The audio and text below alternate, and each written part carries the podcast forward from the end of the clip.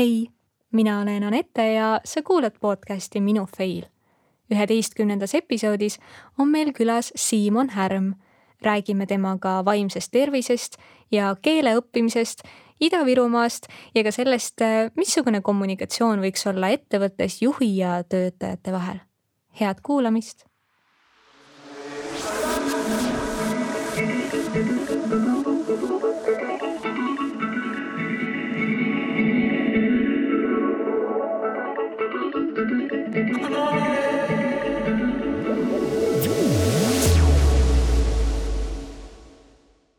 tere, Siimon. tere.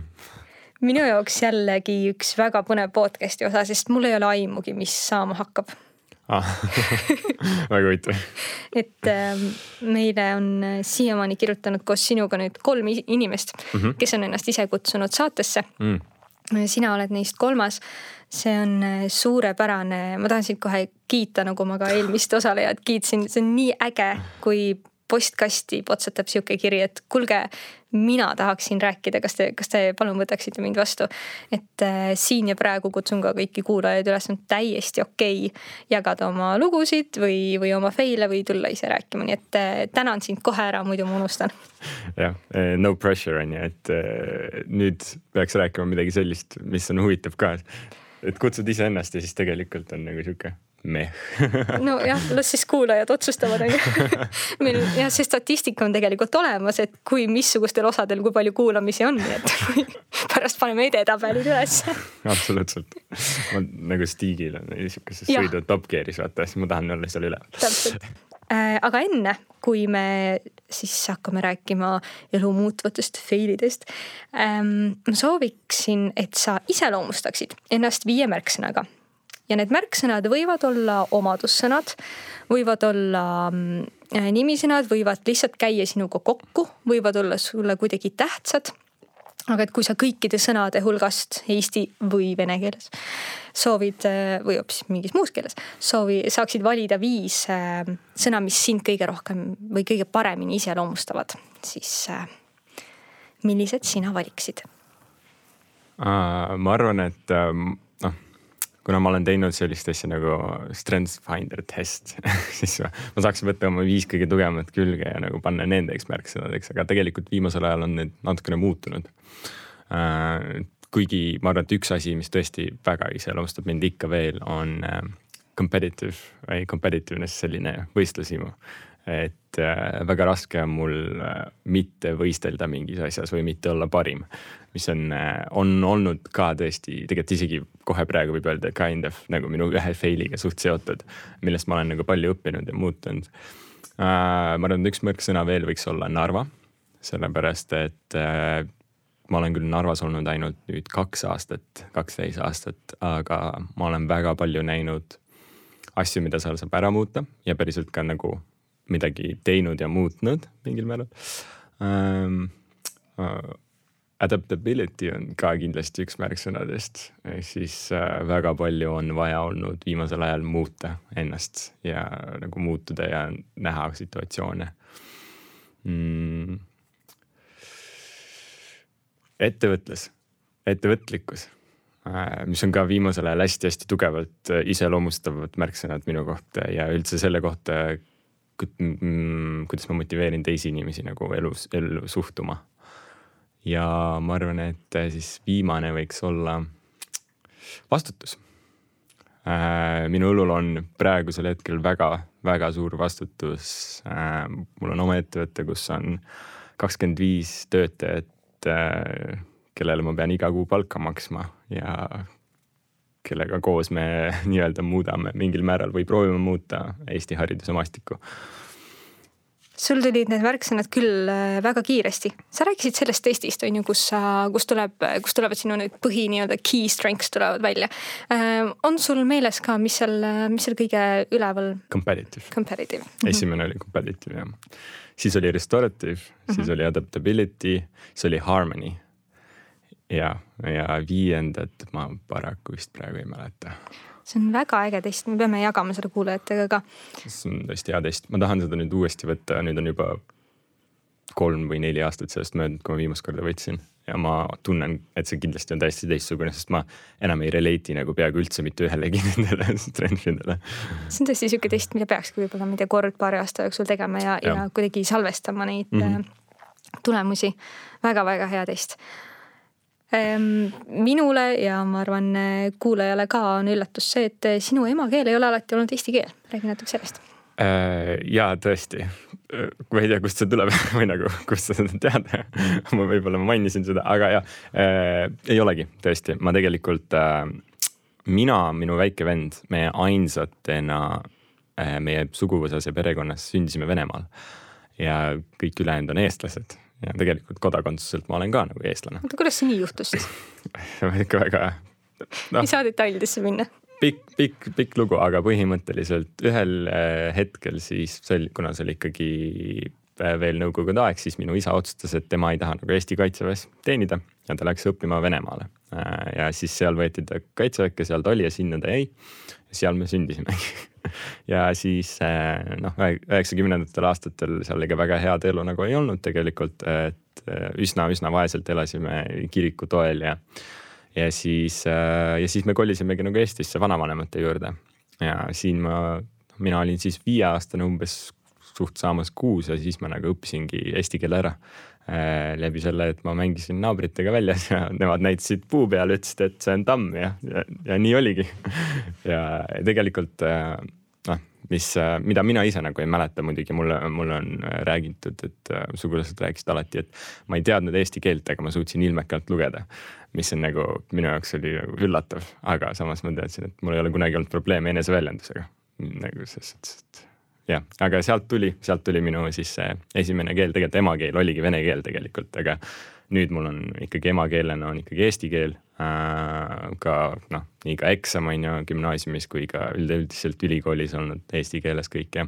ja ausalt öelda ma olin isegi peaaegu üks hetk nagu vene keele ära unustanud äh,. sihukeses kaheteistkümnenda klassi lõpus ma unustasin juba sõnu ma väga, väga ei osanud ka enam kasutada, ei tahtnud ka. sest ma olin umbes läinud selle peale, et ah, noh, mis mul ikka inglise keeles, eesti keeles on ju ikkagi Eesti riigis ja siis äh, ülikoolis sunniti ikka rääkima vene keeles, sest et sõbrad-tuttavad, kes olid nagu Ida-Virumaalt, tahtsid abi ja siis kaitsevägi ja nüüd Narva ja noh, ilmselgelt äh, tagasi vene keele juures ka. sinu lapsepõlv möödus ikkagi siis Ida-Virumaal? ei, minu lapsepõlv möödus Põltsamaal. Põltsamaal? Põltsamaal jah, ma elasin Põltsamaal äh,, Põltsamaa külje all Võhma-Nõmme külas mm. -hmm. Seal, kus äh, sündis ka Karl-August Hermann äh,, mis äh, kõige naljakam lugu võib-olla on see, et kuidas me selle koha saime, aga põhimõtteliselt tegelikult minu perekonnanimi on Härm, aga enne, enne eestistamist see oli Herman. ja, ja tulebki välja, et tegelikult Karl-August Herman on meie sugulane. aga meie sellest teada ei saanud, enne kui üks meie küla siis selline ajaloolane või inimene, kes oli sellest huvitatud, tegi väikse siukse nagu puu ja uuringu ja siis sai aru, et hm, me olemegi kuidagi seotud. Ja siis elu saatis meid ikka sinna elama, kus temagi sündis et ühesõnaga ma ei teadnud, kes täna podcast'i tuleb ja tuleb välja, et nagu Eesti, Eesti kultuuri ja ajaloo suur, suur kuju sugulane on meil siin istub praegu. üsna, üsna kauge, ma loodan, ma ei, ma ei tea täpselt, aga jah, midagi, mingi seos nagu on mm. -hmm. seda on äh, ka, kuna mina käisin Miina Härma gümnaasiumis ja Miina Härma enne oma perekonnanime eestindamist oli Miina Herman, siis on ka Eesti äh, ajaloole peale vaadates on pakutud, et Miina Herman ja Karl-August Herman olid omavahel abielus, mida nad päris kindlasti ei olnud, aga, aga noh, Eesti on nii väike, et. Eesti on tõesti väga väike. Põltsamaa mm, -hmm. nii nii et tegelikult sellele, et sa praegu oled, äh, tegutsed Ida, Ida-Virumaal, et sa oled Venemaal sündinud, sellel ei olegi otsesest äh, mingit seost omavahel. absoluutselt mitte, see kõik äh, on juhtunud läbi väga palju minu elus on juhtunud läbi juhtun-, lihtsalt juhtumiste nagu mingil määral ka eksimuste. ja üks, äh, üks põhjus, miks ma sattusingi Ida-Virumaale, tegelikult on üks väga suur äh, eksimus, mida ma tegin äh, gümnaasiumi lõpus. nii kuna ma gümnaasiumi lõpus, ma teadsin, et ma tahan minna õppima kas IT-d või füüsikat ja ma olin siis äh, valinud IT ära juba Tal-, Tallinna Tehnikaülikoolis. ja siis ma vaatasin seda size'i ja siis äh, mõtlesin, et aga kui ma valin nagu füüsika, kas see IT nagu kaob ära? jagadeski ja siis ma läksin õppima füüsikat, õppisin kolm aastat seda. töötasin PERHis natukene, läksin kaitseväkke, sain aru, et ei, ma tahan ikkagi IT-sse ja ainus koht, kuhu ma sain tasuta minna IT-d õppima, oli Narva ja siis ma sattusin lõpuks Narva, mis oli ka täiesti kogemata kuidas sa tunned ennast pärast seda, saad aru, et oi, kaduski nagu. ja siis see, see ongi see, et oh well, I guess nüüd ma lähen siis füüsikat õppima. sa oled väga hea muutustega embrace ja mulle tundub. Äh, jah, noh tõesti, sest et tegelikult mul ei jäänud ka muud varianti üle, sest et noh, iseenesest mul olid piisavalt head tulemused, et saada igale poole sisse, aga ma mõtlesin, et ma ei taha Tartu minna, see on liiga lähedal kodule. ja siis Tallinna Tehnikaülikoolis oli kas IT või füüsika minu jaoks huvitavad ja ma jäingi füüsika peale äh,. millega sa praegu tegeled, räägi meile äh, praegusel hetkel äh, ma, ma olen äh, Tartu Ülikooli Narva kolledžis IT eriala tudeng äh, kolmandal kursusel. ma, mul on oma tudengiorganisatsioon Eesti Keele Vestlusklubi Tont Ida-Virumaal ja mul on oma ettevõtte programmeerimise kool Edukoht, millega me nüüd tahame akrediteerida ennast huvihariduseks või nagu erahuvikooliks. ja nüüd ma olen veel Code Jõhvi koolis ka, õpin programmeerimist äh, hobina. ja noh, siuksed igast muud nipet-näpet, mis iganes ette tuleb, on ka mingisugused üliõpilasesindused ja niisama asjad ka. aga võtame siis järjest läbi. Äh, Eesti Keele Vestlusklubi Tont mm. -hmm. miks sihuke nimi ja millega tegelete? Äh, õpetame eesti keelt tegelikult äh, pakume seda, mida ei ole. Äh, et selles suhtes äh, seal on eesti keele maja, mis on väga-väga heal tasemel, aga seal õpitakse hästi palju grammatikat ja natuke vähem on seda vestlust ja pigem on probleem ruumi puudumises, ehk siis hästi palju nagu tehakse, aga noh, vähe on ruumi ja siis inimestel on palju rohkem soovi, palju rohkem inimesi soovib õppida ja rääkida eesti keelt, kui seal nagu ruumi on. ja siis meie pakume alternatiivi ja kõige rohkem me pakume seda just kolledži tudengitele, kes äh, näiteks tulevad Venemaalt õppima. hästi paljud tulevad õppima Venemaalt ja välismaalt ja neil ongi esimene aasta on eesti keele aasta ja neil ongi hästi vaja just äh, lisaks grammatikale ka seda vestlusosa. ja kuna me korjame siis kõik sellised äh, eesti keelt emakeelena kõnelevad noored kokku tudengiorganisatsiooni ja siis äh, nemad siis õpetavad läbi programmi, mille ma neile ette andsin ja lõin. mul lihtsalt miski nagu äh, mingisugune hea tunne nagu sulab minu sees, kui ma, kui ma kuulen, et sa räägid sellest praktikast. olles äh, olnud inimene, ma arvan, et väga paljud kuulajad võivad äh,, võivad siin käsi südamel sama öelda, olles kuuendast klassist alates vene keelt õppinud ja lihtsalt tänu sellele, et praktikat ei ole olnud, ma ei oska rääkida. ma mm -hmm. lihtsalt ei oska rääkida. jah, see on tõesti kurb, sest et tegelikkuses saaks nii palju teha nagu selle kuue aasta jooksul keel ära õppida ei ole üldse mingi probleem tegelikult, isegi kui see on üks kord nädalas. et reaalsuses saaks anda igasuguseid äh, ägedaid lisavõimalusi, koduseid töid, mida iganes, mis nagu ei ole seotud õppimisega, millele paraku on noh, tänapäeval jäänud üsna negatiivne maik külge. vaid saaks teha midagi ka sihukest meelelahutuslikku, lahedat lisaasju curriculum'ile, mis on praktilised, mis rää panevad rääkima, kuulama, kirjutama, kõike nelja varianti. et jah, et siis, siis õpiks ju ära tegelikult kas teie programmis on midagi sellist? meie programmis on hästi palju improvisatsiooni ja hästi palju sellist äh, suhtlemist just nimelt äh,. me tahame maksimaalselt kaotada seda hetke, kus nad tõlgivad omale vene keelest eesti keelde ja räägivad, lihtsalt räägivad ja ei karda eksida ja ei karda nagu sellest õppida ja ei põhimõtteliselt selle peale ongi kõik e-, ehitatud, et äh, kui me eksime, siis me tähistame seda, sest et seda hetke enam ei kordu. ja improviseerime ka hästi palju selle peale, et äh, kogu aeg ja, ja, ja, ja lisame juurde. ütleme ja ja lisame juurde, et see on nagu see minu meelest ainus asi, mis töötab. mulle nii meeldis, kuidas kuidas teie klubi, ilmselt ma leidsin selle Facebooki lehelt selle info, et äh, meie eesmärk on, äh, on veeta lõbusalt aega ja kõige tähtsam on suhtlemine ja ja et meil on iga päev õigus valida ning kõige mõistlikum teha valik suhelda, kartmata eksida, sest teine valik, vaikimine ei vii meid eesti keele õppimises edasi tõsi. see on, see on lihtsalt nii õige. võiks nagu iga keeleõpetaja moto olla. enamasti see vaikimine ongi see, mida me tunnis ju kuuleme tegelikult. suurem osa me kirjutame lihtsalt vihikusse käändeid ja pöördeid ja Jah. ega midagi ei räägi, ei kuule ega ei, jah, ei ja, suhtle. ja vaikimine just sellepärast, et sa kardad nii väga eksida, kuigi Jah. sa oled tegelikult ju tihtipeale oma klassikaaslastega koos, see peaks olema kodune, mõnus, hubane õhkkond. aga hirmus on. on küll, jah, ja tulebki teha safe space, kus seda ei ole. kuidas te seda safe space'i seal äh, loote, sest, sest Meil ütled on- hakka rääkima, see ei, tihtipeale ei toimi. hästi palju on rumalaid, et siukseid hästi lihtsaid mänge, kus äh, kõik saavad naerda ja lihtsalt tunda ennast vabalt. et me alustame, alati alustame mingist väga rumalast icebreaker'ist, ilmselgelt mingi Skander, Skafander ja midagi veel ägedamat ja siis ise anname nagu ette mingeid siukseid äh, teemasid. ja hästi palju on ka seda, et ähm, äh, mingeid lihtsaid mänge, kus äh, näitad näpuga ja keegi peab füüsiliselt midagi tegema ja siukseid nagu noh neid on erinevate nimedega erinevaid mänge ja hästi palju on, olen kokku korjanud neid ja lihtsalt anname neid hästi kiireks ajama asja ja siis ei jõuta mõelda vene keeles, räägitakse eesti keeles, kuulatakse sõnu, proovitakse meeles hoida. Ja Ja ei jõua siis- ka kartma hakata. ja siis ei jõua nagu kartma ka hakata, sest et kõik teevad ju, kõik ümberringi teevad ja kõik nagu, kuidas sa hakkad üksinda kartma, sest kõiki teevad. aga lähme siis edasi, sinu äh, ettevõtte edukoht. ja äh, see on programmeerimise kool äh, lastele, me oleme Narvas, Kohtla-Järvel, nüüd avanesime ka Tallinnas. ja äh, esimesed äh, proovitunnid on juba olnud, esimene äh, siis selline grupp hakkab juba tööga pihta, see laupäev. ja põhimõtteliselt on see nagu sotsiaalne ettevõte, et äh, hästi paljuski me proovime täita mingit missiooni, eks ole, visiooni äh, valmistada ette lapsed maailmaks, mida veel ei eksisteeri, mida nad saavad luua ise.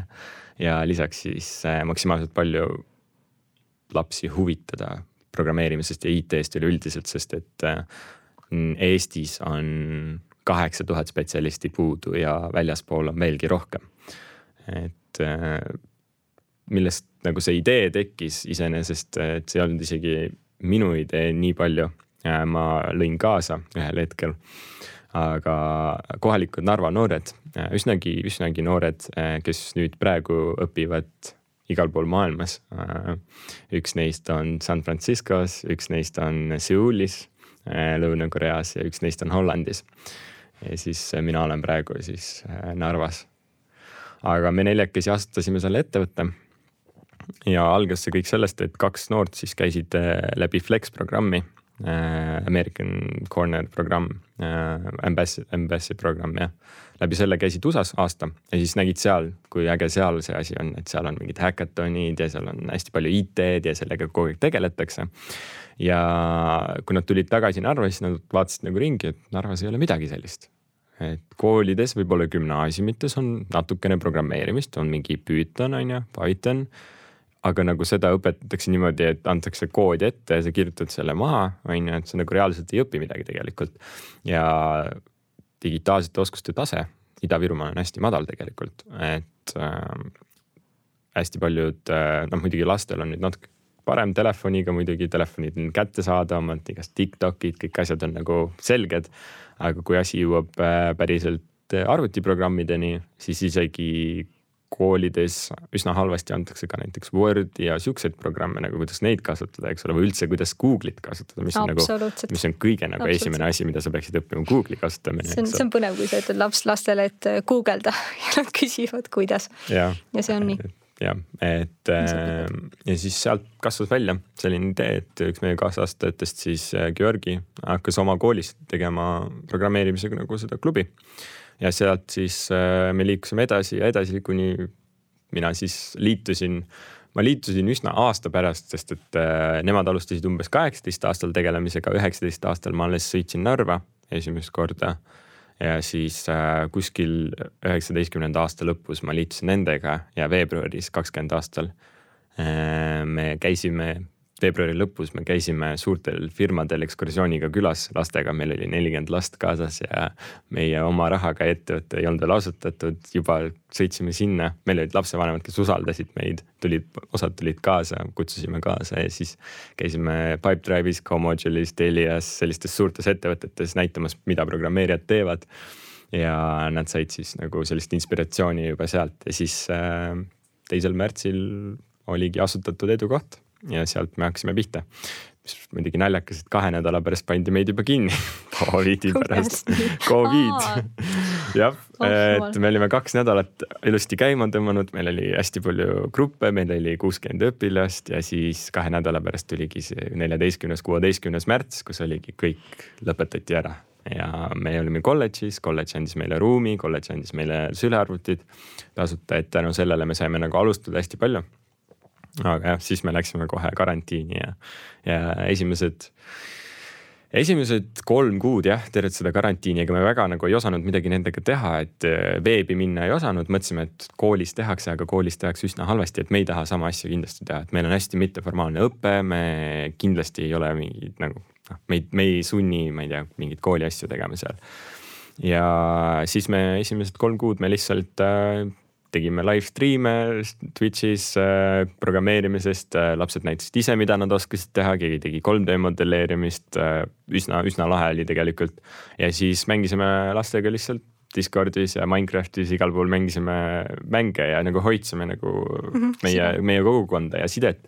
ja üsna, üsna tugevalt tulime tegelikult sellest välja tänu sellele, et äh, kui me suvel jätkasime, sest et suvel tõmbasid natukene tagasi need piirangud, siis äh, meil olid kõik lapsed täitsa alles ja tuli juurde ja kõik olid väga huvitatud ja selles suhtes väga-väga lahe, väga lahe kogemus on olnud siiamaani et mitte, mitte nii-öelda, mitte ilma, ilma vigadeta ja mitte ka korraldusteta nii-öelda on ju, aga ikkagi väga lahe kogemus mul on nüüd kaks küsimust tekkinud peas. esiteks mulle tundub, et see Narva, mille sa valisid, ma saan aru, puhtalt nagu tänu veale, on ju. tänu veale, mis sa tegid sai siis on toonud sinu ellu nii palju head. kas see on nüüd saatus või kuidas sa ise seda defineerid? Noh, see on väga huvitav. ma ei teagi, kuidas selle peale nüüd vaadata. sest et äh, see ei ole ainus hea asi, mis minu elus on olnud muidugi, sest viimasel ajal on see muidugi väga palju, palju rohkem toonud ja. missugused su ootused olid, kui sa läksid? kui ma läksin Narva, äh, minu ootused olid väga madalad, sest et äh, mul olid osad tutvused Narvast ja ma enam-vähem uurisin, rääkisin ka, nii-öelda kuulasin maad ja siis mulle öeldi, et noh, mis sa ikka siia tuled, seal ei ole midagi teha. Nagu ikka see väikse linna mentaliteet. Äh, ja ma olin umbes sama mõttega, et okei okay,, kui ma lähen sinna, et äkki seal tõesti pole midagi teha. et ma siis õpin ära, on ju, ja lähen minema ja väga, no tegelikult jah, sest et seal on lisa selline väike nii-öelda sprinkle on the cake, sest et äh, kui ma Äh, võtsin seda eriala, siis seal veebilehel oli kirjas sessioonõpe. Ja ma eeldasingi, et ma tulen ainult nädalavahetuseks ja ma nädala sees olen Tartus, nädalavahetuseks tulen äh, Narva ja siis sõidan niimoodi edasi-tagasi. Äh, ja siis ma tulin nagu kohale, sest seal oli selline füüsiline vestlus ja koos testiga. ma tulin kohale, tegin testi ära ja olin vestlusel. ja, ja siis vestluselt mult küsitakse, et sa ikka tead, et see on esmaspäevast reedeni. siis ma nagu äh, jaa muidugi, muidugi tean mis sessioonõpe see on? jah, ja siis, äh, ja siis tuligi välja, et tegelikult ei olnudki sessiooniõpe aga ja siis ma olin okei okay., no ju siis ma olen siis seal esmaspäevast reedeni. ja siis äh, läkski jah niimoodi jutuks ja niimoodi see kõik algas, et tõesti, ma ei oodanud, et sealt midagi välja tuleb. aga no minu elu on ikka muutunud väga-väga-väga tugevalt sellega. mis viibki mind minu teise küsimuse juurde ähm, kuidas sa nii pingevaba oled, kuidas sa saad oma elus teha selliseid otsuseid? kaks päeva Narvas, viis päeva Narvas, kuidas, mida sa ütled mis su sisekõne on, räägi, sult on nagu väga palju õppida, mulle tundub. sa oled lihtsalt nagu vaba või laadne inimene või? Kuidas see käib, räägi. see on väga hea küsimus, ma, ma pean isegi mõtlema võib-olla no, selle peale. Just ma tahan seda vastust. no iseenesest jah, äh, see tuleb võib-olla hästi palju minu isalt. ja see tuleb negatiivsest küljest isegi, mitte võib-olla nii palju positiivsest küljest, aga minu isa on olnud äh, terve elu vägagi suvalistlik inimene, ütleme niimoodi, äh, kui ehk siis juhtus, siis juhtus noh mina ju ei saanud midagi selle suhtes teha. suvalistlik, paneme kõrvale jah, ja siis äh, ma ise nagu olen ka olnud üsna pikalt ikka inimene, kellel on noh, ma olen võtnud väga vabalt, ehk siis äh, kui ma juba hakkan seda tegema, siis ma võtan maksimumi. ehk siis äh, mulle meeldib see nii-öelda äh, tsitaat on ju, et never half-ass it ehk siis Matthew McConaughey tsitaat, never half-ass it, sest et siis ei jää ruumi äh, kahetsemiseks. ei jää ruumi mõtlemiseks, et mis siis, kui, sest et sa andsid endast maksimumi, see ei olekski saanud mitte kuidagi teistmoodi minna ja igas asjas, mis ma nagu ette võtan, ma lähengi sellise mõtlemisega. ja isegi kui vahepeal juhtub midagi muud, sest ma olen juba, ma olen juba investeerinud. ma juba tean, et ma niikuinii võtan sellest maksimumi, vahet pole, mis juhtub, ma adapteerun vastavalt. ja minu jaoks ma keerasin selle negatiivsuse positiivsuseks, sest ma teadsin, et ma, minu jaoks ei olegi väga tähtis, mis see lõpptulemus on, minu jaoks on protsess tähtis. see, mida ma teen praegu, see, mida ma teen täna, see, mida ma teen, see, mida ma teen homme, on homne mure, see, mida ma tegin eile, on seda ei saa enam muuta, see on juba läinud. ja siis ma teen seda, mis ma teen täna ja kui täna mulle öeldakse, et ma teen homme teistmoodi, siis ma teen täna nii, et homme oleks teistmoodi aga kas sa selle juures oled, äh, pead ennast nagu perfektsionistiks ähm,? ma ei ütleks vahel on, vahel on äh,, vahel võib mul olla selline maniakaalne nagu periood, kus äh, ma võtan ette mingi hobi, mida näiteks, mis on programmeerimisega on alati niimoodi, et ma pean viima selle maksimaalselt perfektsuseni ja mu, enne ma nagu ära ei lõpeta. aga õnneks ei ole nii tihti, tihti et äh, ma saan, ma saan sellist natuke stoitsistlikult äh, võtta olukorda ja vaadata, et noh, see ei pea olema praegu perfektne, et olla lõpus ideaalne aga kui on, kui konkurents tuleb mängu? kui konkurents tuleb mängu. siis sa ütlesid, et sa oled väga võistlushimuline. jah äh,, seda küll äh,. siis, siis, minu jaoks ei ole, tegelikult see ei ole isegi perfektsuses ei tule see välja, vaid see tuleb selles, et you have to one up ehk siis sa pead tegema rohkem, kui tegi teine. et äh, hästi palju see tuli välja minu jaoks spordis, kuna ma tegelesin kergejõustikuga kaheksa aastat üsna tõsiselt minu jaoks ja ma sain ka noh, äh, oma vanuses äh, Eesti, Eesti medaleid ja, ja minu jaoks oligi see, et trennis ma ei pidanud olema parim. see ei olnud kunagi minu jaoks eesmärk.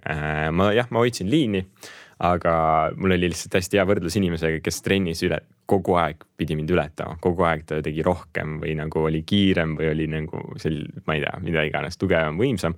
minu jaoks oli minu keha minu, minu maksimum, eks ole. aga kui lõpuks tuli võistlus, siis äh, oli ikkagi see, kus mina tegin rohkem ma ikkagi olin kiirem, ma ikkagi läksin mööda, sest et minu jaoks ei olnud tähtis mitte see nagu äh, kuidas me siin, nagu täpselt ei olnudki see tulemus tähtis, vaid see protsess. ma olin protsessis niivõrd sees, et ma mõtlesin ainult sellele, et kuidas ma teen oma järgmise sammu. mis, et ma teen selle sammu ideaalselt ja selle on ju, eks ole.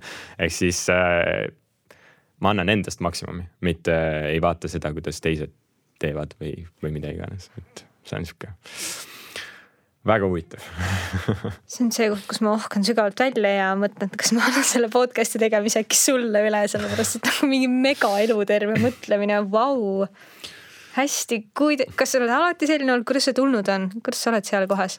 see ei ole alati nii olnud muidugi. kas sa kahetsed see... midagi, on sul midagi, mida sa kahetsed äh, või kui tihti sa üldse kahetsed? kui tihti ma kahetsen yeah.? Äh, ma ei kahetse üldse tegelikkuses äh, no jällegi lihtsalt sellepärast, et ma ei saa midagi muuta. ükskõik kui palju ma ka ei prooviks, ma ei saa minna tagasi ja teha teistmoodi. aga on kindlasti mingeid hetki, kus ma mõtlen, et nüüd ma olen hästi palju rohkem täiskasvanulikum, ma olen arenenud, ma saaksin midagi teha paremini. aga ma lihtsalt toon selle tänapäevasse ellu edasi. et äh, noh, eks ma ka iga ilma põhjuseta ei käi psühholoogi juures äh, minu jaoks on see tähtis koht mainida ka sellepärast, et hästi palju on stigmat ikka, ikka veel on hästi palju stigmat selle aitäh, ümber. mainid, päriselt ka. ja äh, ma olen nüüd üle aasta käinud äh, psühholoogi juures ja see ei ole muidugi odav ja see ei ole alati võimalik. aga kui on võimalus ja kui on, näed, et on vajadus, siis tuleb minna, sest et äh, see on tõesti aidanud mind väga palju näha äh, oma mingisuguseid nii-öelda pooli ja näha, miks nad, kust nad tulevad ja kuidas nendega nagu edasi minna. et see, see on hästi palju aidanud päriselt ka aitäh, et sa ütled nagu see on, see on täpselt see, kuhu, kuhu mina soovin selle podcast'iga rihtida. et äh, ütleme need asjad välja, see on okei okay. Mm. -hmm. ja kui sa vähegi endaga tegeled, see on ainult positiivne asi, see on nagu cheerleader'id, vilistamised, kõik nagu tuleks panna ja aplaus. ülilahe, see siit tohiks olla enam ammu tabu meile. absoluutselt. Aga mis siis sinu jaoks üldse on fail? minu jaoks on fail võimalus õppida. nii. ehk siis äh, me fail ime iga päev, kõik fail ivad iga päev äh,. ma olen fail inud et, ettevõttes edu koht väga palju äh,. oma valikutega, mida ma olen teinud ettevõttest ka väljaspool. Ja üks meie tõesti vii-, nagu eelmise aasta üks suurimaid fail'e oli kommunikatsioonipuudus äh, lisaks suhetele ja nii-öelda ja nii-öelda ja kõigele sellele muule.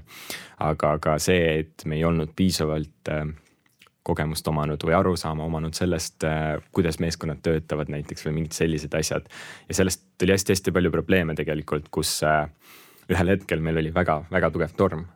Kui te saite aru nendest vigadest, mis te ettevõttes teinud olite, kuidas te talitasite? me kutsusime spetsialistid kohale. me saime aru, et me oleme over our heads, meie enda kogemusega ega teadmistega me kunagi ei saa sellest üle me võtsime oma sõbrad-tuttavad ette, kes on spetsialistid, kes on õppinud seda asja ja psühholoogid ja kutsusime inimesed kokku ja hakkasime tegutsema sellega. hakkasime lihtsalt äh,, hakkasime üksteist kokku ajama, võtsime grupi kokku, rääkisime, grupi kokku, rääkisime ja terve suvi me põhimõtteliselt saime kokku, no mitte terve suvi, aga umbes sihuke aeg, kus me jah, me saime kokku iga mingi aja tagant, rääkisime. me tegime väga palju ägedaid asju tegelikult selle aja jooksul, see oli selline äh, co-visioon või ja põhimõtteliselt meil oli üks moderaator, kes ütles, et täna me teeme seda ja kontrollis, kuidas me nagu suhtleme omavahel, kuidas me midagi teeme.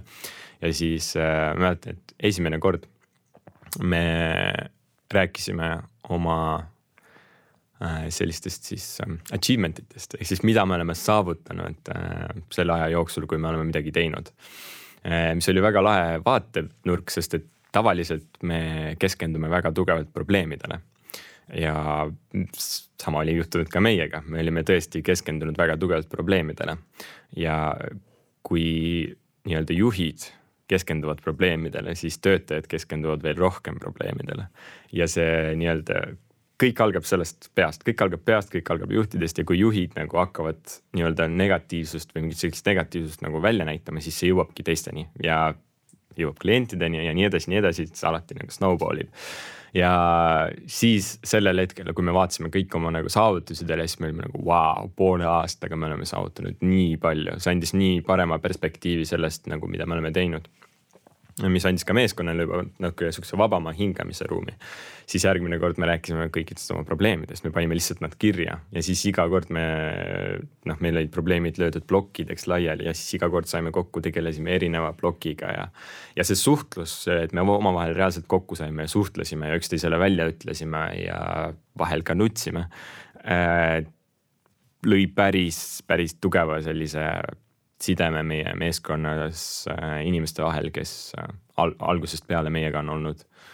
aga juhtus ka teistmoodi, kus äh, inimesed läksid ära, sest et osad lahendused lihtsalt ei olnud lahendatavad või nagu, et probleemid ei olnud lahendatavad mm. -hmm. et ähm, nüüd, nüüdseks on juba muutunud natukene teistsugune, teistsugusemaks olukord, kus äh, enam-vähem suhted on enam paigas, inimesed oskavad jaotada nii eraelu kui ka tööelu ja mingil määral ka see, et hästi palju on autonoomsust tekkinud inimestele, kus äh, tegelikkuses töötab asi palju paremini. ja see on ka see, mida ma hästi palju tegelikult heidan ette ka meie, äh, meie valitsusele, et ei suheldud inimestega piisavalt siis, kui tuli see Covid, siis kui oli vaja rääkida, kui oli vaja selgitada, miks ühte või teist asja tehakse. Äh, ja mida ma nagu tegelikult praegu üsnagi palju äh,. näiteks, mis, mis, miks ma kiidan hästi palju tegelikult äh, Joe Bidenit äh,. tal on see võimalus tulla rääkima, neil on see koht olemas ja ta teeb seda iga päev ja ta iga päev räägib oma rahvaga, ta iga päev räägib, miks on tähtis vaktsineerida, ta iga päev räägib sellest, mis toimub riigis. ja see on nagu nii palju parem. USA suutis nii kiiresti seitsmekümne protsendi peale jõuda lihtsalt sellepärast, et tegelikult Joe Biden pidevalt rääkis nendega. ja meie valitsus võiks teha sama nagu that's it, all you have to do nagu. lihtsalt räägi inimestega. see on minu meelest lahendus kõikidele probleemidele. täpselt, lihtsalt räägi, lihtsalt räägi. see on nii põnev, et ükskõik kui väike on kollektiiv või, või noh, klass mis iganes inimrühm, inimrühmaga sa tegeled, alati tekib konflikte. Ja, ja alati tegelikult see avatud kommunikatsioon on seal see, mis aitab, aga selleni on nii raske jõuda. kuidas teie praegu pärast, pärast seda nii-öelda tormilist suve äh, elus hoiate seda kommunikatsiooni? me hoiame läbipaistvust maksimaalselt ja hästi palju on meil sellist kui inimesed tulevad juba meie juurde, ka uued inimesed, me suhteliselt kohe alguses anname ausat tagasisidet. Äh, meile meeldib praktiseerida sellist asja nagu radical candor, mis on väga sihuke radikaalne siis ausus mingil määral. nii, äh, selgita, kuidas. kus äh, see töötab usalduse baasil hästi tugevalt, aga see töötab niimoodi, et kui me näiteks anname tagasisidet üksteisele, siis mina usaldan sind et sa võtad mu tagasiside vastu, et sa mõtled selle peale ja isegi kui sa näiteks solvud, solvumine on täiesti okei okay., solvumine emotsioonina, emotsioonid on täiesti okei okay tähtis ei ole see, et kas sa solvud või mitte, vaid tähtis on see, et isegi kui sa solvud, sa ikka mõtled sellest ja teed selle tagasiside või midagi. ja teine pool sellest on see, et sina usaldad mind, et mina annan sulle konstruktiivset tagasisidet, mitte ei räägi seda lihtsalt selleks, et sulle haiget teha mm. -hmm. ja selle usalduse baasil võib rääkida kõigest otse ja ei ole vaja seda nii-öelda compliment sandwich'it, kus sa ütled midagi hästi, siis sa ütled halvasti ja siis sa ütled hästi. kus äh, on kaks varianti, kas inimene näeb ainult halba või inimene näeb ainult head ja reaalsuses ta nagu ei, see ei tööta tavaliselt. Ja radical candor töötab väga hästi, sellepärast et see ongi see, et kui me usaldame üksteist ja me anname üksteisele tagasisidet. isegi kui me solvume, me võtame selle vastu ja me muudame midagi. ja me teame iga kord, et kui ma midagi teen valesti, siis minule antakse tagasiside lihtsalt sellepärast et ma ei teeks seda viga kuskil mujal, ei teeks ennast lolliks, vaid siin usaldusväärses keskkonnas me anname üksteisele tagasisidet, sest me tahame, et meil läheks kõigil paremini mm. -hmm. et sa nagu hoolid sellest inimesest. sa hoolid, hoolimine ja. on siin hästi tähtis jah mm, -hmm. et see on üks meie väärtustest ettevõttes ongi, et me hoolime üksteisest, me hoolime mm -hmm. iseendast, me hoolime üksteisest ja me hoolime sellest, mis me teeme mm. -hmm. ja noh, muidugi ka see, et eksimine on inimlik ja me eksime kindlasti ja me äh, alati õpime oma vigadest, et need on põhiasjad, mille peale minu meelest tuleks kõike ehitada üldse nagu ilm, ilm, ilmas ja elus noh, see nii-öelda hamburgeri meetod võib aidata siis, kui, kui sa oled harjunud nägema ainult ühte poolt, et kui sa üldse nagu näiteks positiivset poolt ei näegi, noh jälle olles lastele väga palju tagasisidet andnud õpetajana, siis et noh, igas lapses on midagi head. sa, sa alati leiad selle ühe hea asja ka mm. -hmm. aga noh, see ongi see, et millist, missugust tagasisidet sul praegu vaja on ja see, mis sina räägid, noh, see võiks olla tõesti iga ettevõtte sihuke kuldne tuum aga samas iga suhtlus on ju kahepoolne ja sina võid äh, ettevõtja või ülemusena anda, anda väga palju tagasisidet ja mm, -hmm. ja mhm. sinu poolt võib see tahtmine tulla, et sa tahad seda mm -hmm. kommunikatsiooni hoida niimoodi äh, kahepoolsena.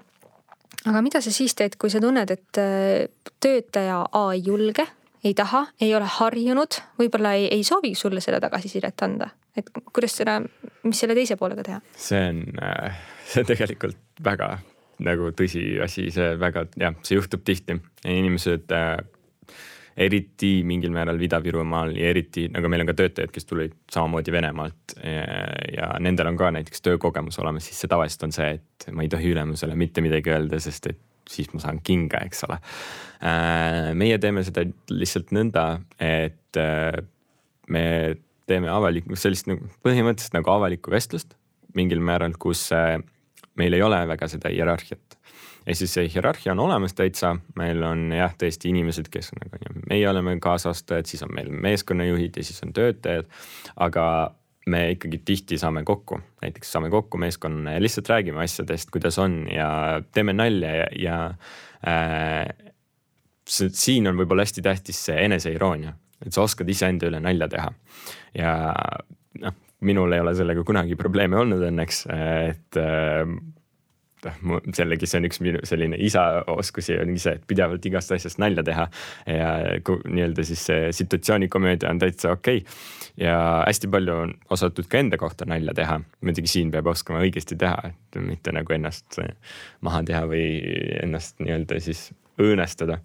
aga kui, kui osad, oskad iseenda üle nalja teha, siis äh, sellises äh, safe environment'is, kus kõik teevad üksteise üle nalja, on võimalik jõuda ka tõeni. ja üldiselt, kui sellist situatsiooni nagu ei juhtu, siis noh, moderaatorid aitavad tõesti, kus ongi inimene, kes äh, põhimõtteliselt ongi sinu ja selle inimese vahel, aga üldiselt ei ole nagu probleeme olnud praegu. mis sa arvad, kas see sinu taust, et sa oled pidanud ühest keeleruumist äh, teise minema, on andnud sulle ka seda äh, oskust iseendaga kuidagi, iseenda üle siis irooniline olla?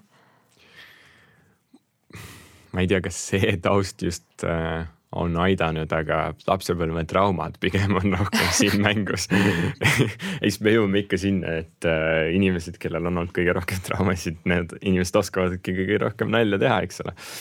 aga ja, et äh, ma olen pidanud hästi palju vastu võtma oma elus seda või noh, ennast sellisena, nagu ma olen ja selle üle nalja tegema selleks, et siis mitte väga nagu halvasti ennast tunda. ja, ja see on, ma arvan, on aidanud kõige rohkem. kui sina lapsena õppisid keelt ähm,, missugune see keskkond oli, kui sa praegu, praegu oled sa noh, nii, nii nagu mina, kui olen midagi täiesti, mingisuguse täiesti suurepärase keskkonna loonud keele äh, õppimiseks, aga kuidas, kuidas sinu lapsepõlves see oli? minu lapsepõlves oligi hästi palju seda, et äh, me noh, me, meil oli sundolukord. me olime Eesti keskel, kus ei ole vene keelt, on ainult eesti keel ja on naabrid ja lapsed, kellega sa tahad mängida, sotsialiseeruda. noh, lapsed kõik tahavad sotsialiseeruda. ja ega muud, muud üle nagu ei jäänudki, kui keel ära õppida selles suhtes, et selleks, et saaks rääkida, selleks, et saaks äh, ma ei tea, mängida, joosta, mida iganes, selleks, et kõik üksteisest aru saaks. ja tegelikkuses, mis mind väga palju aitas ka, et ma mm, kogu aeg räägin, ongi see, et ähm, meil oli, meil oli hästi-hästi palju muinasjutte. Äh, meil oli selline kogumik nagu eri rahvaste muinasjutud ja seal oli igasuguse rahvaste muinasjutte äh, sihukeste väikeste, väikeste raamatutena ja neid sai loetud hästi palju. ja tegelikult mind aitas ka veel see, et äh, meie vanaema kes küll sõnagi ei rääkinud vene, eh, eesti keeles, ta rääkis ainult vene keeles. aga ta mõistis eesti keelt ja oskas lugeda eesti keelt ja tõlkida eesti keelest, kuigi ta ise nagu ei suutnud rääkida. siis äh, me vaatasime hästi palju pärast kooli A-rühma ja siukseid sarju ja siis seal olid eestikeelsed subtiitrid all ja siis ta nagu luges ja tõlkis meile. ja siis ma lugesin ise ka samal ajal, sest et mulle nagu lugemine on alati meeldinud ja sealt see tuli, kõik, kõik see kokku panna, see sundolukord, see, et ma pidin rääkima ja see, et ma pidin nagu lugema ja kirjutama, kuidagi see kõik töötas väga-väga hästi. ja vanaema ka rühma vaatamine põhiliselt. ja see muidugi põhiliselt A-rühm jah, et see on kõige tähtsam osa sellest aga lapsepõlvest selle keele, keele õppimisega ähm, sa ei, sa ei tunneta mingeid olukordi, traumasid, mille, mis oleks nagu fail olnud, mis oleks sulle kuidagi ähm, ma ei tea, ukse sinu ees kinni löönud või, või kuidas sa vaatad sellele tagasi praegu? Äh, keeleõppele nagu mm -hmm. tegelikult. kas see seadis sinu jaoks mingeid barjääre, et, et sul oli see teine keel äh,? ei, kusjuures mitte, ma olen üks neist vähestest õnnelikest võib-olla, kellel ei olnud üldse probleeme keeltega ja siiamaani nagu pole. et äh, aga ma ei, ma isegi ei kujuta ette jah, kuidas oleks võinud plokki seada. minu väiksel vennal oli küll sellega probleem, sest tema tuli, kui me tulime Eestisse, ta oli alles kaheaastane ja tema pidi kaks keelt korraga nagu kuhu suhu saama ja see oli väga-väga raske tema jaoks. see oli pigem jah, tavaliselt äh, lapsed hakkavad rääkima palju varem, kui tema hakkas. aga sellegipoolest ta sai mõlemad keeled täiesti nagu selgeks. et äh, aga minul, minul õnneks, õnneks läks hästi mm. -hmm sa ütlesid enne, et äh, iga fail on võimalus õppida, kas, kas sinu elus on olnud ka mõni fail, äh, mis selle reegli alla kuidagi ei, ei äh, lähe?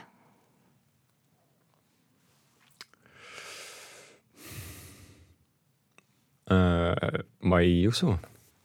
ma ausalt ei oska öelda, sest ma arvan, et raske on fail ida ilma õppimata midagi, mingit mingit jah, mingit asja sellest ära võtta, kaasa võtta, sest et noh, fail imine ta,, tavaliselt kui sa fail'id, siis tuleb mingisugune äh, consequence, eks ole, mingi, midagi juhtub, kui sa fail'id ja, ja tavaliselt on see ka valus ja sellest on raske mitte õppida.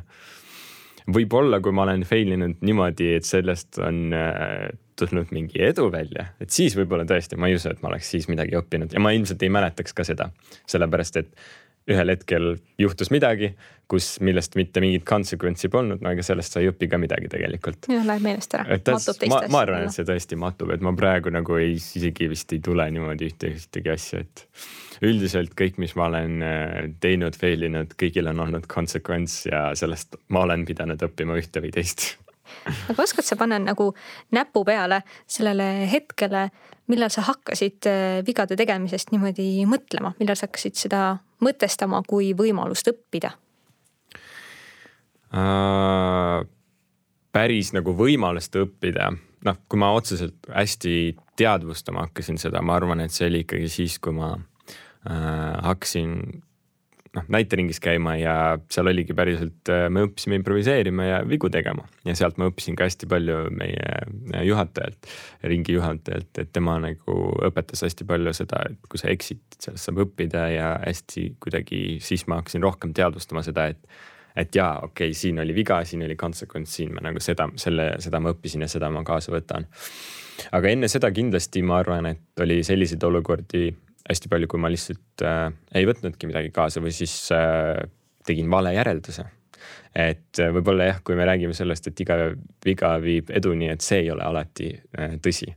et hästi palju on olnud ka situatsioone, kus äh, ma olen teinud mingisuguse vea ja jõudnud mingisuguse järelduseni ja see järeldus tavaliselt on olnud vale äh,. hästi palju kaitsemehhanisme, hästi palju probleeme, millega äh, ma tegelen ka psühholoogi juures, tihti tulevad nendest valedest järeldustest mm. -hmm. eeldamistest on ju. eeldamistest ja ka valedest järeldustest jah, sellest, et, äh, et tolles situatsioonis oli see parim lahendus. aga reaalsuses see ei ole kõige parem lahendus, nii et see ongi see jah, nendest vigadest ja nendest valedest järeldustest on kõige rohkem ilmselt äh, fail imisi tulnud ja tuleb edasigi. millised fail'id on sinu elus olnud, mis on sind kõige rohkem õpetanud uh,? Ja ma arvan, et äh, aga see on selline huvitav äh,, kõige rohkem õpetanud fail'id äh,. ma ei tea, kas just heas suunas või õiges suunas, aga hästi palju fail'e minu elus oli äh, suhetes äh, lähi, lähikondlastega või siis nagu perega ja lähiinimestega, kus äh, ma olen jah, fail inud mingil määral äh, tihtipeale oli see muidugi see lapsepõlve valetamised ja mida iganes, siuksed suuremad vead ja võib-olla äh, hästi palju jällegi ei olenenud minust, aga tundus, et oleneb minust see, kuidas äh, ümber minu inimesed ennast tunnevad või, või mina tunnen vastutust selle ümber, kuidas äh, minu peres kõik asjad töötavad või käivad. ja siis äh, sellest olen hästi palju fail inud ja teinud valesid järeldusi, et äh, siiamaani maksan selle eest nii-öelda. sa mõtled vastutust siis võtnud sellepärast, et selles suhtes, et, äh, et käitunud äh, kuidagi nii, nagu sa eeldad, et inimesed eeldavad, et sa tahad, jah, öelnud seda, mida sa arvad, et inimesed tahavad kuulda. selles suhtes. jah, tõesti, et äh, tegelikkuses, kui võrrelda mind äh, kümme aastat tagasi ja mind praegu, siis maa ja ilm, et sellist inimest nagu mina kümme aastat tagasi olin, enam ei eksisteeri. aga tollel hetkel minu jaoks jah, elu, elu siis oligi põhimõtteliselt see, et äh, otsida maksimaalselt äh, vähima vastupanu tee, mis ei tee mulle haiget ja mis ei aja kedagi ümber minu vihaseks. ega, et siis mina veel süüdi jääksin. ja see tõesti oli kõige-kõige raskem ja tõesti senimaani kummitab selles suhtes, et aga mis tundmus see siis oli või mis punkt see oli, mis pani sind oma käitumist kuidagi ümber hindama? miks sa ei tee enam nii? miks ma ei tee enam nii äh,? tegelikkuses ma hakkasin lihtsalt äh, ennast arendama äh,. ühel hetkel see oligi, et äh, noh, umbes kümnendasse klassi jõudes äh, äh, gümnaasiumis ei olnud enam neid inimesi, kes äh, ma ei tea, kiusasid mind näiteks äh,. ma sain rohkem vabadust selle ümber, mida ma ise tahan elus teha et enne seda ma käisin näiteks, ma ei tea, muusikakoolis, mis oli minu vanaisa unistus rohkem kui minu unistus. ja siis mulle vabanes seda rohkem aega ja ma hakkasin tegema asju iseenda jaoks, ma hakkasin päriselt mõtlema, et aga mida ma tahan nagu elus saavutada, kuhu ma tahan nagu jõuda. ja siis vaatasin ennast põhimõtteliselt nagu peeglisse, mõtlesin nagu noh, ma ei oska ju midagi ja nagu ei, ei, ei tee ju ka midagi ja siis samas võib-olla nendel äh, märkustel, mida mulle on tehtud aastaid, on mingi põhi ka taga ja siis äh, ma otsustasingi, et äh, ma lähen näiteks siis näiteringi ja hakkan kõnevõistlustel osa võtma ja kõnesid tegema ja proosa lugemisi ja luule lugemisi ja mida iganes veel äh,. Läksin kergejõustikusse ja kõik see, mida ma tegin nii-öelda pärast kooli, lisaks koolile, need tunnid lu, lugemata tunnid või loetamata tunnid, mida ma tegin, kõike muud on väga-väga tugevalt mõjutanud kõike minu elus. ja hästi palju on mõjutanud just pigem sotsiaalsed suhted nagu nendes kohtades. et äh, näiteks ma võin täiesti ühte hästi sihukest hästi eredat näidet äh, oma elust äh, tuua, kus äh, see oli tegelikult ka üsna fail ilik, võiks öelda äh,. ma tegin kergejõustikku üsna, üsna tõsiselt, aga kui ma olin juba Tallinnasse jõudnud äh,, sest ma olin saavutanud mingeid asju, ma olin Tallinnas, ma tegin trenn, trenni Tallinnas. ja seal olid üsna tõsised inimesed kõik, kõik tegid trenni üsna hästi ja ma olin veel Audenteses ja ma olin veel Valter Espe juures, kes, kes oli Eesti parim sprinditreener. ja noh, seal sa ei saanud lihtsalt äh, teha vähem, sa pidid alati tegema palju. aga minul tollel hetkel meeldis hästi palju teha nagu nalja või sihukest ironiseerida, aga samas nagu ka omada hästi palju selliseid vabandusi, et miks ei tule välja või miks ma teen vähem või miks ma olen nõrgem. ja ühel hetkel ma olen nagu senimaani väga tänulik tegelikult äh, inimesele. Äh, üks minu kaassportlastest ütles mulle sellise lause, mis tollel hetkel pani mind väga tugevalt mõtlema, kuid millest ma nagu õppisin vist kõige rohkem. Äh, ta ütles, et kuidas ta nüüd, kuidas see nüüd kõlas, ma isegi võib-olla ei mäleta enam, sest sellest on nii palju aega möödas, aga ta ütles, et, äh, et äh, sa räägid liiga palju ja vabandad liiga palju nagu, et käib juba närvidele või midagi sellist. ja siis ma nagu hakkasin mõtlema, et okei okay,, et aga miks vaata, sest et tegelikkuses äh, me kõik tegime nalja, me kõik nagu midagi rääkisime ja et nagu selles suhtes, aga võib-olla minu jaoks oli see, et ma tegin hästi palju nalja ka treeneriga. ja sellest äh, noh, tundsin ennast väga vabalt ja nagu sain teha seda, seda nalja. aga reaalsuses ma sain aru, et äh, tagantjärgi vaadates, et hästi paljud jutud või laused, mis ma ütlesin, olid tegelikult vägagi õõnestavad.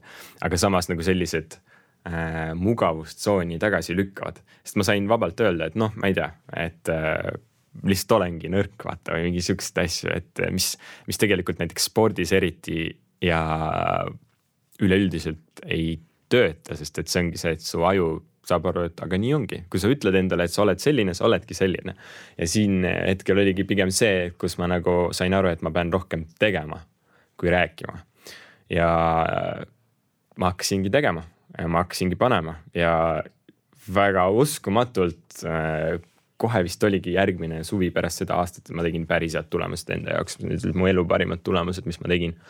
Äh, ja ma õppisin sellest väga palju, et sport ja see suhted ja inimestega rääkimine ja, ja vahepeal tunned ennast mugavalt äh, mingites asjades, millest sa nagu isegi aru ei saa, et need tegelikult teevad sulle haiget in a long term, et nad rikuvad sinu mingisugust tulemust et, et ma ikkagi oskan ikkagi nalja teha ja ma ikkagi teen nalja, lihtsalt äh, need naljad ei ole enam õõnestavad ja need naljad, äh, noh, ma, ma võin teha nalju, ma ei tea, mingisugustest asjadest, mis ongi tõsi, aga jällegi samas ma ikkagi tean oma väärtust ja ma tean, mida ma teen ja miks ma teen ja ma hoian sellest kinni.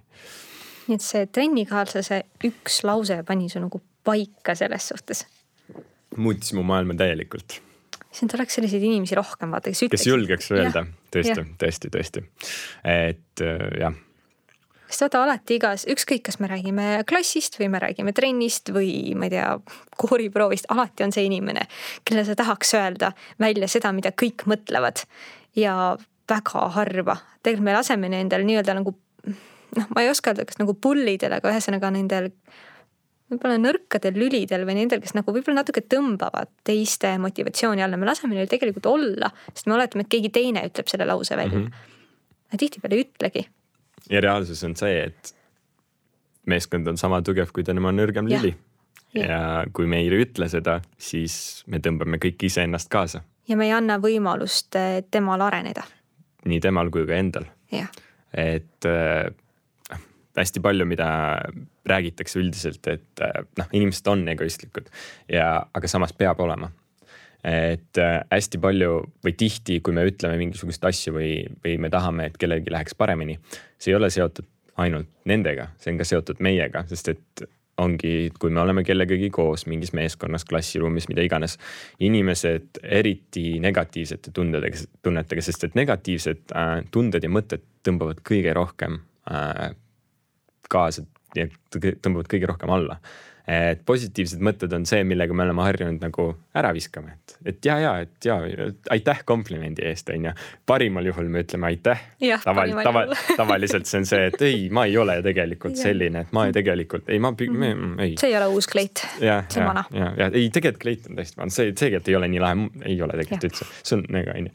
aga jah, reaalsus ongi see, et äh, kui kuskil grupis on selline inimene, kes äh, on ise niivõrd juba nagu sügaval, siis äh, ta tõmbab ka teised kaasa. ja kui me tahame ka ise edasi minna ja kui me tahame kõiki ümberringi ait-, ait-, aidata, siis äh, meie nii-öelda siis kodaniku kohustus on aidata seda inimest mm. teda, teda, teda öelda välja, öelda välja, tõsta ja öelda seda õigesti äh, sest seda võib ka valesti öelda ja siis teha veel rohkem haiget, aga mina, mina, mina, mina message on alati kõige parem ja mina sõnum, et mina tunnen. et jah, aga see on tõesti kindlasti asjad, mis muudavad, kui sulle öeldakse lõpuks, et sest et äh, mulle meeldib, kuidas äh, ütleb äh, Sadhguru, on see, et äh, et kui meie nagu oleme söönud midagi haisvat, siis meie nina, mis on nagu täpselt suu kohal, ei tunne seda lõhna aga inimesed teisel pool ruumi tunnevad issand, kõva lause. ehk siis see ongi see, et me ei näe iseenda nagu vigu, sest me ei oska iseennast vaadata külje pealt, me ei suuda nagu seisma jääda ja öelda, et nii kehas seisa siin, ma vaatan korraks külje pealt. see on väga raske, meil on oma probleemid, meil on omad mingisugused eluasjad, millega me kogu aeg nagu tegeleme ja me lähme mööda elu edasi märkamata, et me kogu aeg teeme ühte ja sama, ühte ja sama viga. ja kõige paremad ajad ongi siis, kui keegi peatab ja ütleb, et just don't, nagu ära tee seda enam, mida sa teed, sest et see teeb kahju nii sulle kui ka teistele. ja need hetked ongi, kui sa saad aru, et ma tõesti teen seda. tõesti peaksin seda muutma.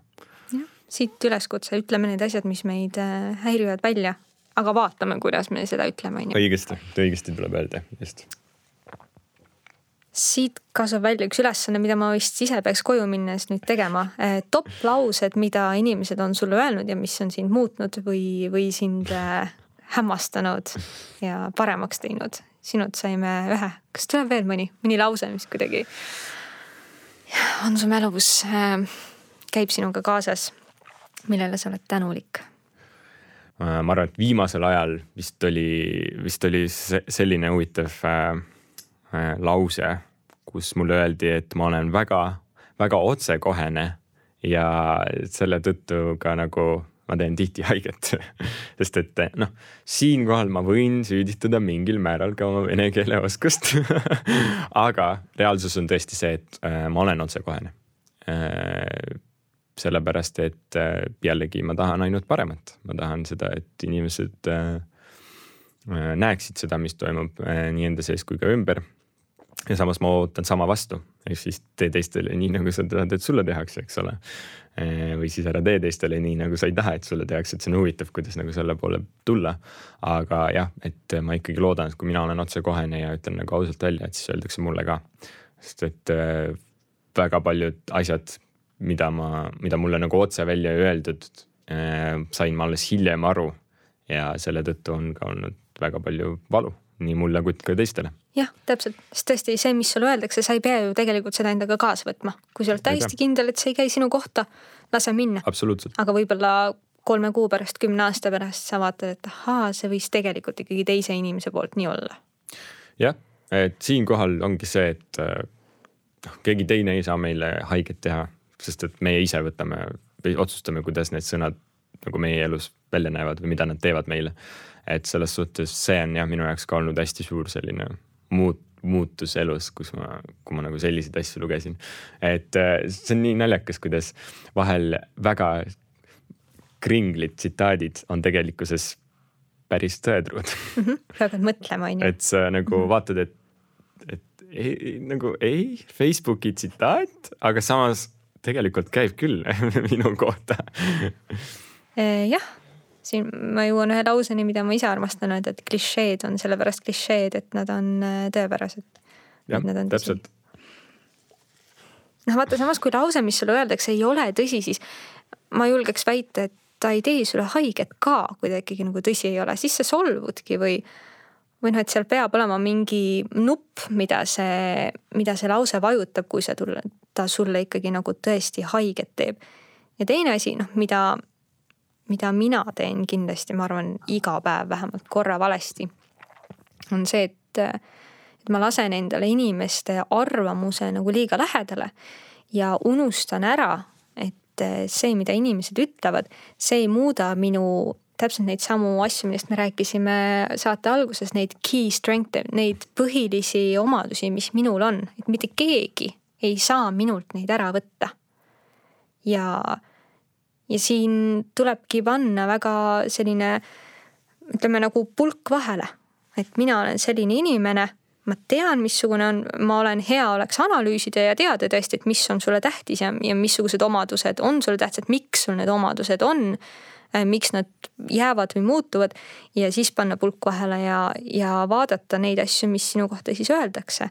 et aga, aga seal on ikkagi see pulk vahel, et see, et keegi ütleb sulle, et sa oled ma ei tea, vastutustundetu ei tähenda, et sa oled vastutustundetu, on ju. et eh, teod, mitte sõnad. missuguseid eh, väikseid fail'e sa teed oma elus tavaliselt, mille, millest sa kuidagi, on sul mõni fail, millest sa nagu üle ega ümber ei saa, mingi sama ämber, kuhu sa astud? ma räägin hästi palju äh, mitte selle koha pealt, et äh, noh, mis minu jaoks nüüd võib-olla viimasel ajal ongi see, et äh, kaks asja, mis ma väga-väga nagu võib-olla isegi kolm asja, kus ma vägagi fail in alati.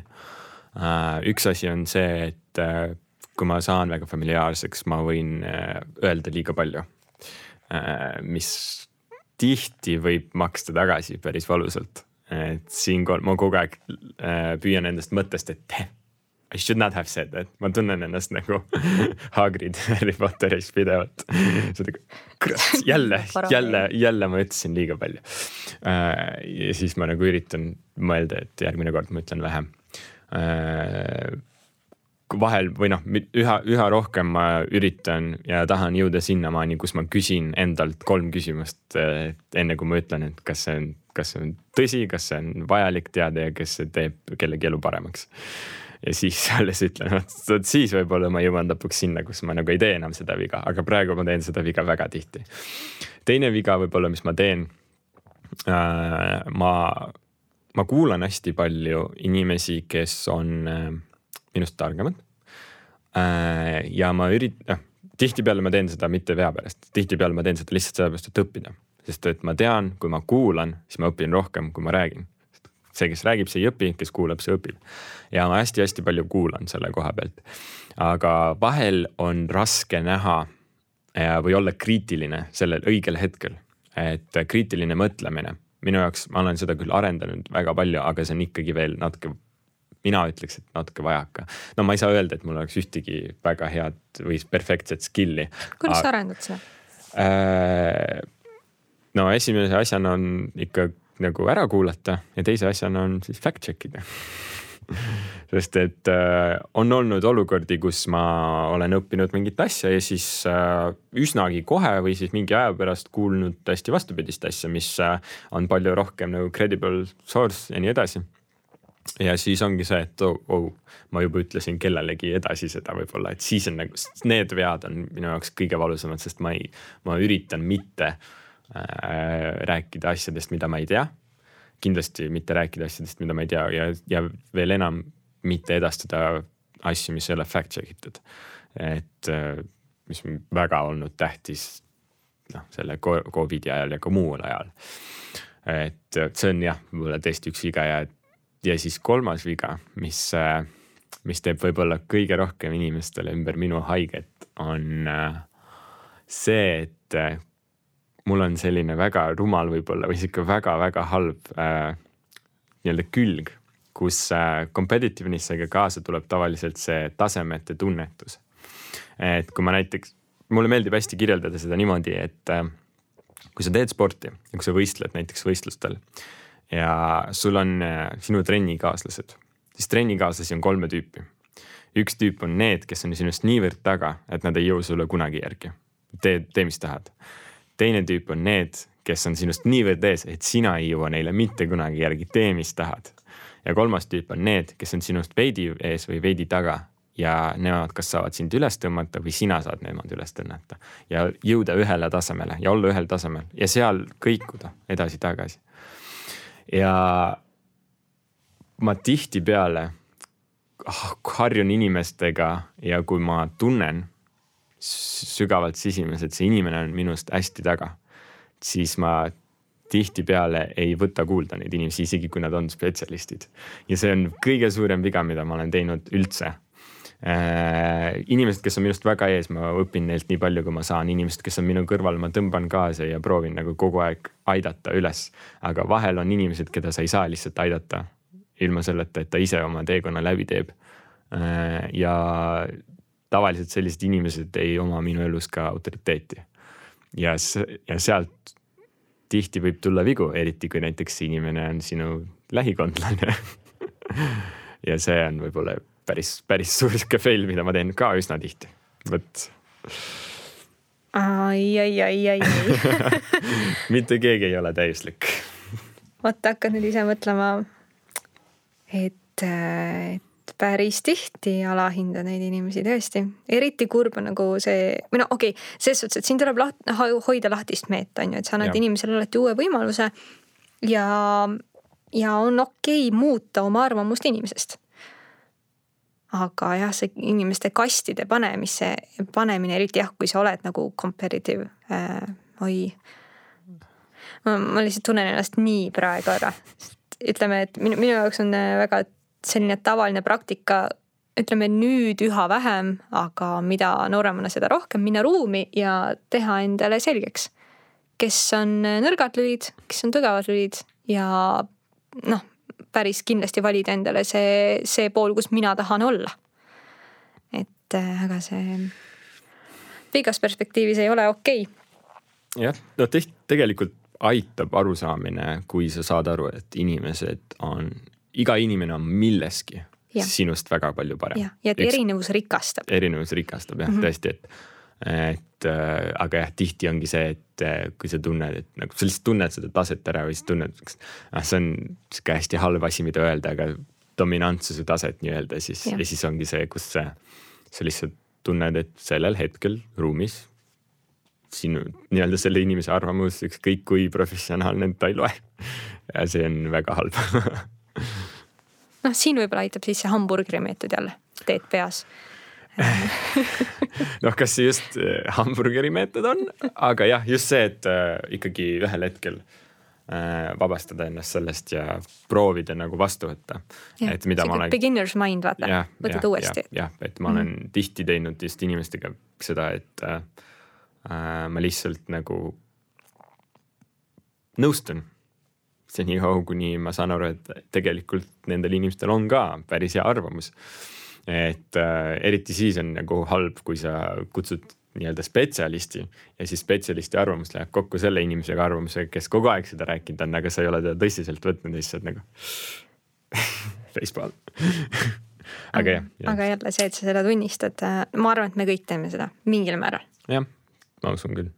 et äh, kui juba endale tunnistada, siis see on esimene samm sinnapoole, et mitte teha.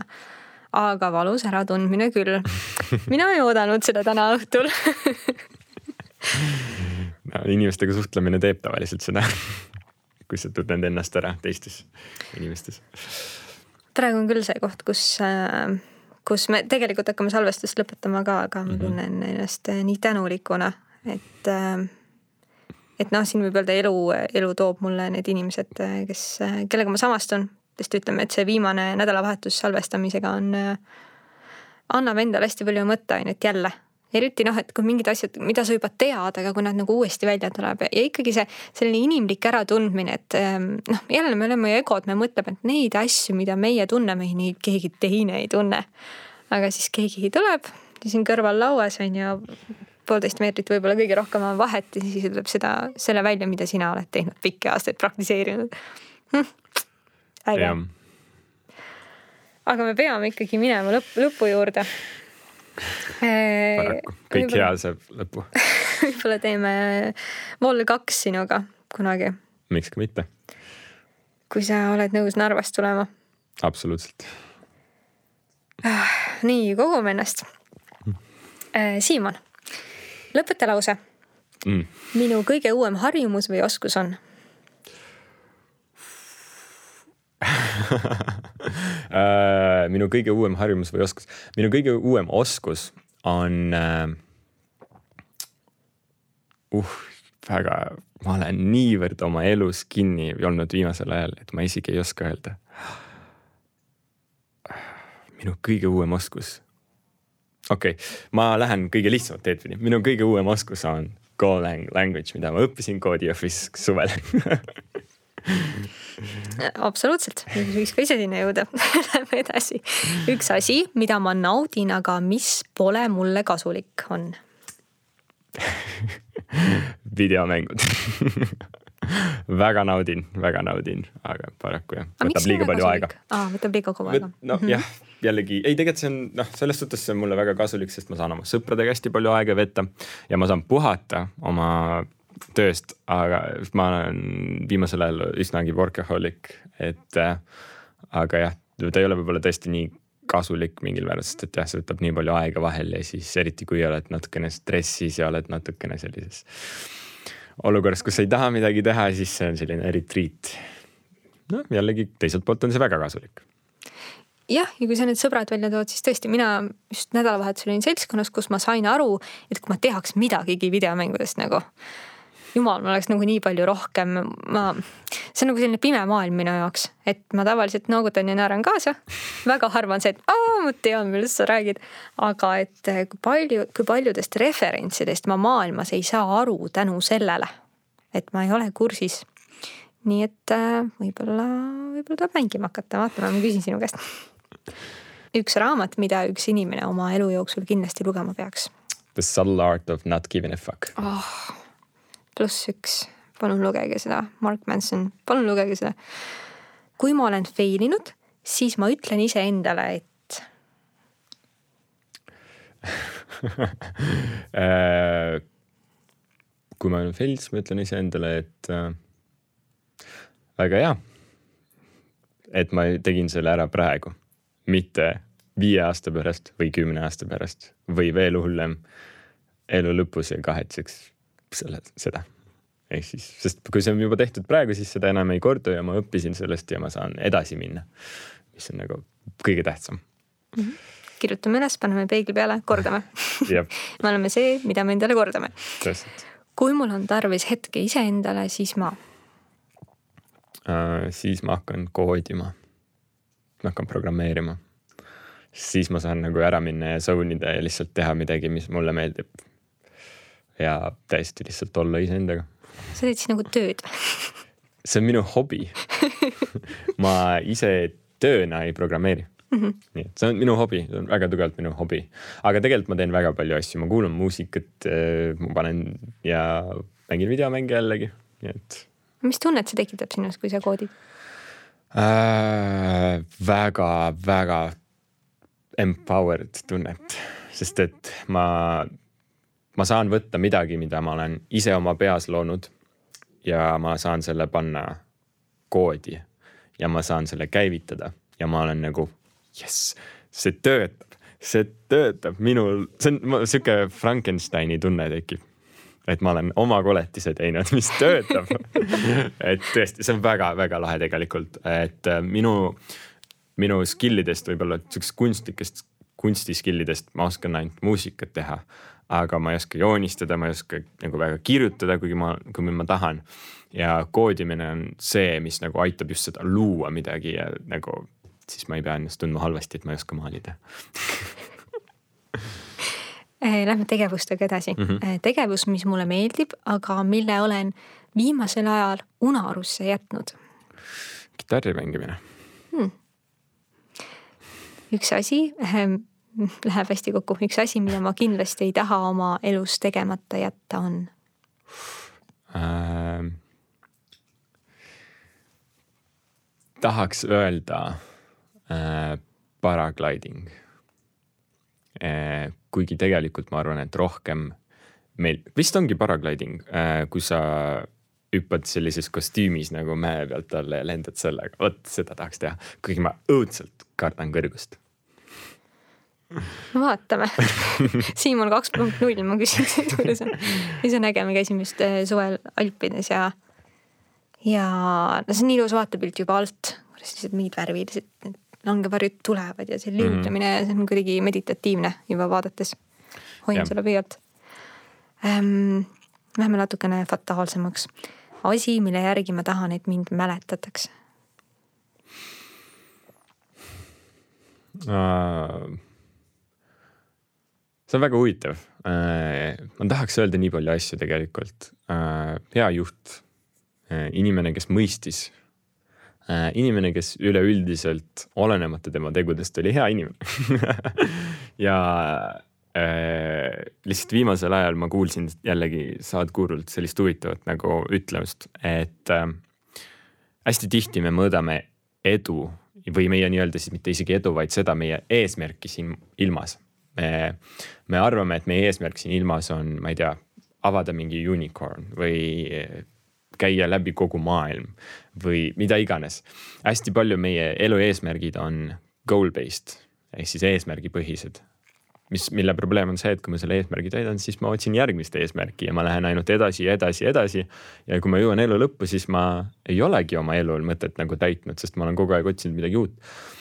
aga võib-olla meie elu mõte ongi olla lihtsalt olemas, olla sõbralikud, olla lihtsalt present, ehk siis ongi olla olemas, sest et see on asi, mis ei muutu kunagi. ja võib-olla meie elu mõte ongi juba täidetud sellega, et me oleme siin ja siis minu jaoks ongi see, et he was present on nagu võib-olla see ideaalne epitaaf. eriti just see, mida sa ütlesid, et olla see, kes mõistis. Ja see on, see on nagu nii mõnus tunne inimesena, kui sa tunned, et sa oled mõistetud ja see jääb sulle meelde, see on see hea Tõsi. tunne, see on, ma arvan, et see on mingi dopamiin või mis iganes sinu sees hakkab niimoodi äh, vohama. see on nii tähtis ja see on palju keerulisem kui mingisugune materiaalne goal tihtipeale. Lähme viimase küsimuse juurde lause juurde õigemini. ma olen praegu tänulik. kõige eest. see on minu jaoks viimase aja kõige, kõige suurem teema üldse. et äh, ma olen tänulik absoluutselt kõige eest viimasel ajal, mida rohkem, mida rohkem ma räägin inimestega, seda rohkem ma järsku saan nagu infot, mille eest tänulik olla, mis on nagu nii lahe. et äh, hästi pikalt ma olin äh, pahane oma isa peale mingite asjade pärast lapsepõlves. ja siis ma mõtlen nagu, aga ometigi ma olen siin. ta andis mulle kõik, mis ta sai anda tollel hetkel, ta ei saanud rohkem teha. Ja ma olen tänulik selle eest, et ma olen siin, et mul on kaks kätt, mul on kaks jalga. et äh, ta ikkagi kasvatas mu, ta noh, nii-öelda äh, öeldakse, et isa eesmärk on panna jalule, edasi on juba kõnni ise, vaata et aga see ei ole ainus asi, ma olen nagu väga paljude asjade eest tänulik, et need inimesed, kes praegu minu elus on, on olemas. minu parima sõbra ja parimate sõprade eest, mõlema eest. nagu ma võin, ma võin lihtsalt võtta selle nimekirja ja jäädagi lugema, ma arvan, sest et tõesti Äh, tiht-, noh, hästi palju ma viimaste aastate jooksul jõudnud ka selleni, et ma olen hästi palju uurinud äh, eksistentsiaalseid asju, üldse usuasju, mida nagu inimesed usuvad, mis nagu sobib või ei sobi. ja päeva lõpuks nagu äh, ma jõuan lihtsalt selleni, et peaasi, et sa usud midagi, mis äh, aitab sul elus edasi minna. vahet pole, kuidas sa seda nimetad, kas sa nimetad seda jumalaks, universumiks või mida iganes äh,. peaasi, et sa nagu, sa paned oma nii-öelda mind to it, sa usud seda, et see juhtub ja sa teed midagi. ja siis sa jõuad sinna nagu tahad või ei taha, sa lihtsalt jõuad sinna. ja, ja mina olen tänulik selle eest, et nagu kõik inimesed, kes praegu minu juures on, on andnud mulle selle võimaluse uskuda, on andnud selle võimaluse mul tegutseda, aidata, on olemas ja üleüldiselt nagu annavad tagasisidet ja hoiavad nagu äh, mind kursis sellega, mis ma ise olen. Ja, ja üldse, kui ma selle peale kõige peale mõtlen, siis ma ikka mõtlen alati, et ega mõndadel ei olegi kahte jalga või kahte kätt või nagu see kõik läheb nii triviaalsete asjadeni välja. et äh, senikaua, kuni mul on kõik okei okay,, ma olen kõige eest tänulik isegi kui ei ole, mul on ikka rohkem kui võib-olla kellelgi teisel. ja see on nii halb mõelda, aga päriselt ma olen tänulik kõige eest, mis mul on praegu noh, need tunduvad triviaalsed, on ju, aga. tõesti tundub triviaalne, aga jah, et olla selle eest tänulik, et mitte võtta seda take it mm -hmm. for granted nagu iseenesestmõistetavana, et mhm. lihtsalt ollagi tänulik selle eest, et sa elad, et sa hingad. et sa täna hommikul ärkasid. Ja... mina pean tänulikkuse päevikut ja, ja mõni hommik äh, ma peaksin, mõistlik oleks seda täita õhtul, et siis on nagu päevale tagasi vaadata, aga mulle meeldib hommikul ja mõni hommik ma mõtlen, noh, polegi nagu millegi eest tänulik olla, aga siis hakkad, siis hakkad vaatama välja, et tõesti mõni päev ongi, et ma olen tänulik, et päike paistab või et ma olen tänulik, et mul kuskilt ei valuta või, või mingid sellised väiksemad asjad, ma olen tänulik, et mul on praegu soe ja hea olla või ma olen tänulik, et mul on aega seda tänulikkuse päevikut täita. et need ei ole triviaalsed asjad. ja mida rohkem sa neid üles kirjutad ja märkad seda, seda rohkem sa märkad seda enda ümber, hakkad teistele inimestele seda väljendama. ja lihtsalt ähm, ongi nagu rõõmsam ja helgem ja positiivsem olla jah, kõik teised tunnevad ka, et sa oled nende eest tänulik, nemad midagi teevad ja, ja nad tahavad seda rohkem teha. Neil on sinuga parem olla. Neil on sinuga parem olla, täpselt. see on nii lihtne. see on väga lihtne. kirjutad või mõtled või, või ma ei tea, enne magama minekut ütled endale kolm asja, mille eest sa oled tänulik ja mitte midagi rohkemat ei olegi vaja. absoluutselt